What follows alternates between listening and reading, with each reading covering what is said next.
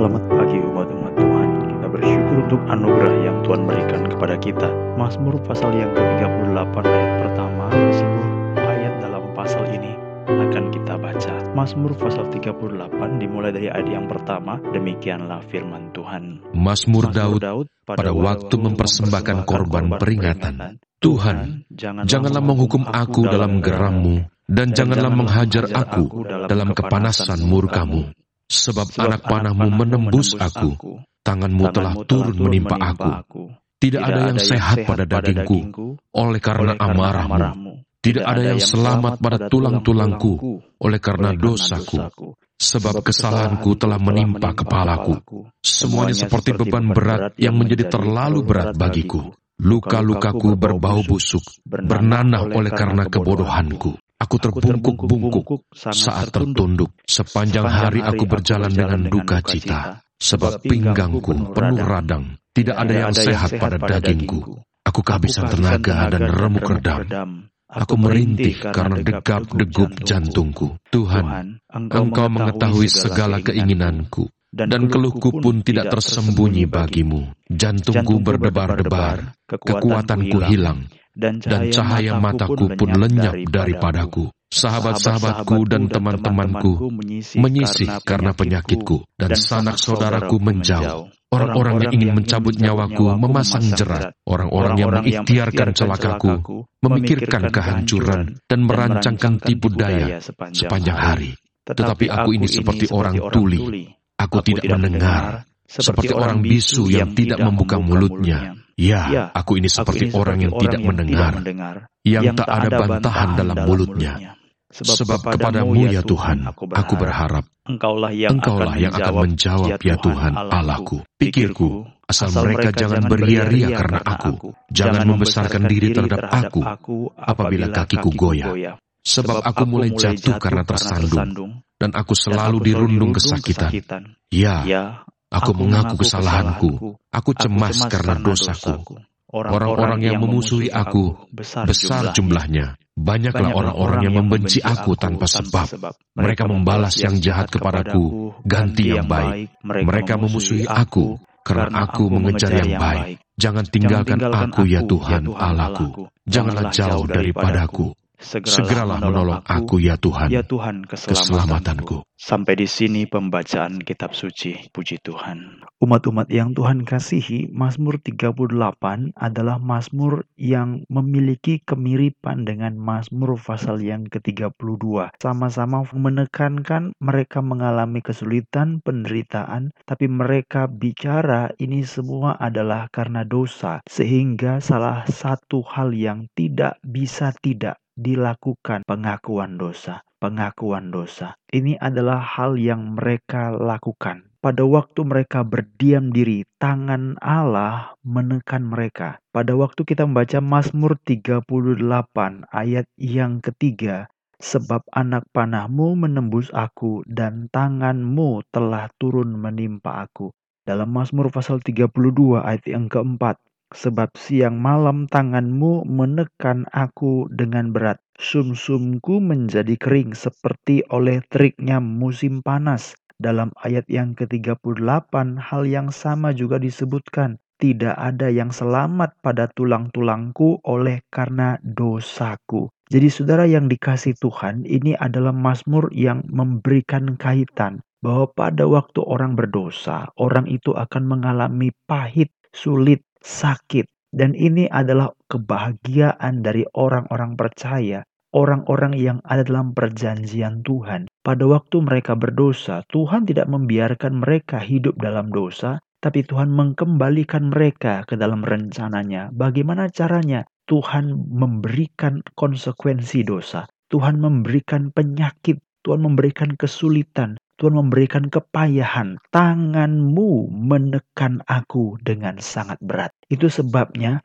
hal yang tidak bisa kita lupakan adalah obat daripada semua ini. Pengakuan dosa. Saudara yang dikasih Tuhan, ada tiga hal yang kadang kita berpikir ya. Ini sebagai cara berpikir saja. Bagaimana mungkin dalam 32 dia sudah mengaku dosa sehingga dia boleh mendapatkan kelepasan Tetapi dalam pasal 38 dia juga masih mengaku bahwa ini adalah akibat dosa-dosaku. Jadi kalau kita baca dalam Mazmur pasal 38 ayat yang ke 5 sebab kesalahanku telah menimpa kepalaku semuanya seperti beban berat yang menjadi terlalu berat bagiku. Saudara lihat ini memang terjadi karena dosanya. Jadi dia mengakui ini karena kesalahan. Kalau kita baca dalam Mazmur pasal yang ke-32, ada tiga istilah yang diberikan tentang dosa. Yang pertama adalah dosa, yang kedua adalah pelanggaran, yang ketiga adalah kesalahan. Berbahagialah manusia yang kesalahannya tidak diperhitungkan. Jadi dalam Mazmur pasal 38 dia mengakui kesalahanku telah menimpa kepalaku. Ayat yang kelima, kesalahanku telah menimpa kepalaku semuanya seperti beban berat yang menjadi terlalu berat bagiku. Lalu diulang lagi dalam ayat yang ke-19, Ya, aku mengaku kesalahanku, aku cemas karena dosaku. Betul-betul bahwa Tuhanlah menjadi lawan, Tuhanlah yang menekan, sehingga pada waktu Daud merasa bahwa ini adalah kesulitan, rasa sakit, maka ada tiga hal yang seperti asumsi ya, semacam tiga asumsi. Yang pertama, Kenapa 32, Mazmur 32 dia sudah mengaku dosa dari segala sakit dan kesulitan dia mengaku dosa, tapi Mazmur 38 dia masih melakukan hal yang sama, dia mengaku dosa dan dalam keadaan yang sakit. Barangkali kita berasumsi yang pertama itu berarti dulu dia pernah berdosa lalu sakit, nah sekarang dia mengingat kembali bahwa dulu dia pernah berdosa dan mengalami sakit maka dia memberikan korban kepada Tuhan. Mazmur pasal 38 ayat 1 pada waktu mempersembahkan korban beringatan. Jadi ini asumsi yang pertama. Dulu dia pernah berdosa dan sakit, lalu minta ampun, dan sekarang dalam Mazmur 38 dia mengingat peristiwa itu. Atau asumsi yang kedua adalah dulu dia pernah berdosa, sakit dan mengaku dosanya, dan sekarang dia mengaku kembali karena ternyata persoalannya belum selesai. Yang ketiga, saudara-saudara, asumsi yang dapat kita bayangkan adalah Mazmur 32, dia sudah mengaku dosa, dia sakit di sana dan dia bertobat minta pengampunan Tuhan. Tetapi kenapa Mazmur 38 dia bicara lagi, barangkali ini adalah sesuatu persoalan yang diulang kembali. Jadi pada waktu dulu dia pernah sakit, dulu mengaku dosa, dan sekarang dia mengaku lagi dosanya. Oleh sebab itu, pada waktu kita mempelajari tiga asumsi ini, maka kita mengerti bahwa sakit pengakuan dosa itu adalah peristiwa yang tidak boleh pernah lepas dari diri orang percaya. Waktu kita mengalami sakit, pertama-tama yang kita alami adalah mari mengaku dosa kita di hadapan Tuhan.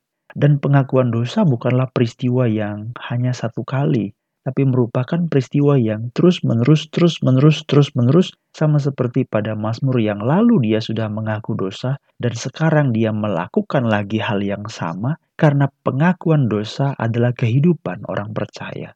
Marilah kita hidup dalam pertobatan. Marilah jadikan pertobatan dan pengakuan dosa sebagai budaya iman kita, sehingga pada setiap hal yang kita lewati dan lalui, kita melihat, melihat kesucian Allah, melihat kekudusan Allah, melihat keberdosaan manusia. Terus memeriksa diri, apakah aku sudah menyimpang dari jalan Tuhan hari ini? Kalau yang lalu aku sudah berkata, aku mau kembali. Tapi apakah sementara waktu berjalan, aku sudah melenceng, aku sudah bergeser, atau aku lupa diri? Atau aku lupakan Tuhan. Mari saudara-saudara memiliki pengertian ini karena setiap orang percaya adalah orang yang terus hidup dalam pertobatan, hidup dalam budaya pengakuan dosa. Itu yang terjadi dalam Mazmur pasal 38, korban peringatan, ayat yang pertama. Kemudian ada beberapa tahapan yang kita lihat. Yang pertama, dia tahu bahwa Tuhan bermusuh dengan dia. Tuhan berhadapan dengan dia itu sebabnya dia berkata, Tuhan janganlah menghukum aku dalam gerammu, jangan menghajar aku dalam kepanasan murkamu, sebab tanganmu anak panahmu menembus aku, dan tanganmu telah turun menimpa aku. Dia tahu Tuhan berhadapan dengan dia. Yang kedua, tidak ada yang sehat pada dagingnya. Dia mengalami sakit. Jadi pada waktu dia mengalami sakit, dia tidak pikir ke mana-mana. Dia pikir ini pasti urusan dosa yang harus aku selesaikan. Ayat yang keempat, tidak ada yang sehat pada dagingku oleh karena amarahmu. Tidak ada yang selamat pada tulang-tulangku oleh karena dosaku. Ayat yang keenam, luka-lukaku berbau busuk, bernanah oleh karena kebodohanku. Itu berarti dia berdiam diri, dia membiarkannya sehingga ini terus-menerus berlarut-larut sehingga lukanya, penyakitnya semakin parah. Membiarkan diri tanpa pengakuan dosa, tanpa menyadarkan diri atau mendorong diri untuk datang kepada Tuhan dan mengaku. Lukanya semakin parah. Ayat yang ketujuh, aku terbungkuk sangat tertunduk. Sepanjang hari aku berjalan dengan duka cita. Pinggangku penuh radang, tidak ada yang sehat pada dagingku. Aku kehabisan tenaga dan remuk redam, aku merintih karena degap-degup jantungku. Tuhan engkau mengetahui sakit pada tubuhnya. Yang ketiga, saudara-saudara, bukan hanya Allah yang menjadi hadap lawannya, bukan hanya karena sakit pada tubuhnya, tapi sahabat-sahabatnya juga meninggalkan dia. Ayat yang ke-12. Sahabat-sahabatku dan teman-temanku menyisih karena penyakitku dan sanak saudaraku menjauh tiga hal yang menjadi indikator ada masalah. Allah berhadapan dengan aku, penyakit pada tubuhku, sahabat-sahabat dan saudaraku menjauh menyisi daripadaku. Jadi persoalan penting. Harusnya kalau ini terjadi kita mengerti. Yang keempat, ada orang-orang yang ingin mencabut nyawaku. Ayat 13. Orang yang ingin cabut nyawaku memasang jerat orang yang mengikhtiarkan celakaku, memikirkan kehancuran dan merancang tipu daya sepanjang hari. Empat hal ini, tahapan yang kita lihat merupakan bukti bahwa ada sesuatu yang salah dalam diriku di mana dosa yang harus diselesaikan di hadapan Tuhan.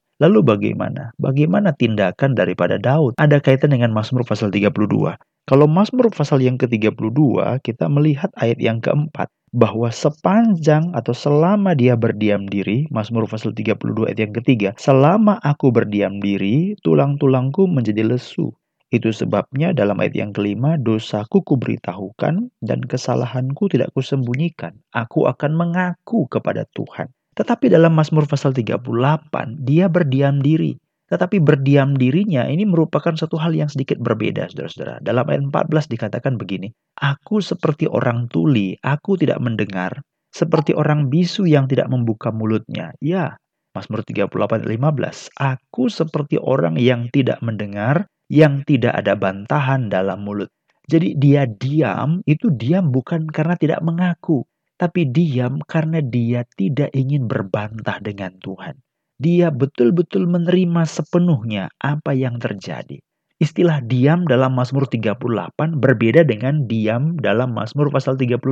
Mazmur pasal 32 dia diam, dia tidak mengaku kepada Allah.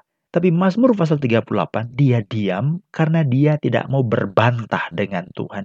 Apa yang Tuhan katakan 100% benar. Apa yang Tuhan bilang 100% benar. Apa yang Tuhan tuduhkan kepadaku sepenuhnya aku terima. Apa yang Allah alamatkan kepadaku sepenuhnya aku tidak menolak. Apa yang Allah hantamkan kepada diriku secara total aku menerima. Aku tidak berbantah. Ini merupakan suatu penyerahan yang sangat sungguh-sungguh. Kadang-kadang waktu kita mengalami penyakit, selalu kita bertanya, "Tuhan, kenapa begini?" Tuhan, bukankah seperti ini? Tuhan, harusnya kan ini. Kita berbantah dengan Tuhan. Ini suatu pelajaran iman yang sangat indah sekali. Mazmur pasal 38. Aku seperti orang tuli tidak mendengar, seperti orang bisu tidak membuka mulut. Aku seperti orang yang tidak mendengar dan tidak ada bantahan dalam mulutku. Dah sungguh-sungguh Tuhan, Engkau bikin apa? Aku ikut. Tuhan, Engkau ngomong apa? Aku tahu, aku terima, aku setuju. Tuhan, katakan aku bersalah 100%. Aku tidak menolak, aku menerima sepenuhnya. Penyerahan yang sangat total, saudara-saudara. Tapi berdiam diri juga bukan bicara sekedar penyerahan total, tetapi dia juga menempatkan dirinya, mengisolasi dirinya dari opini orang lain.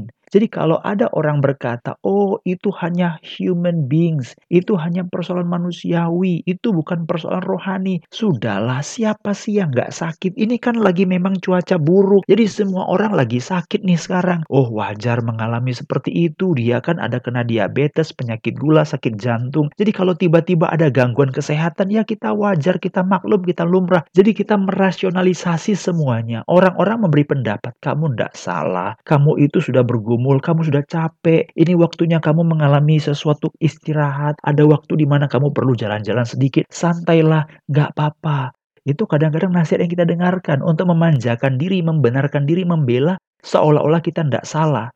Padahal jauh dalam diri kita ada dosa yang masih mengganjal, kedegilan hati, dan kekerasan diri yang betul-betul menantang Tuhan. Tetapi apa yang pemazmur lakukan, dia tidak menerima nasihat dari orang lain, dia tidak mencari nasihat dari orang lain, dia tidak membuka telinga kepada siapa pun juga, dia mengisolasi dirinya. Aku seperti orang tuli tidak mendengar, seperti orang bisu tidak membuka mulut. Ya, aku seperti orang yang tidak mendengar. Mengapa? Karena satu-satunya yang aku mau dengar, satu-satunya yang mau aku harapkan berbicara adalah Tuhan saja. Ayat 16. Sebab kepadamu ya Tuhan aku berharap. Engkaulah yang akan menjawab ya Tuhan, Allahku. Saudara lihat betapa orang ini adalah orang beriman. Persoalannya barangkali belum selesai. Mazmur 32 dia masih mungkin dalam persoalan yang sama. Tapi dia tidak pernah berhenti untuk mengaku dosa. Atau yang lalu sudah selesai tapi sekarang yang ada lagi. Dia mengakui dia ada kejatuhan dan dia mengaku lagi. Mengaku dosa lagi.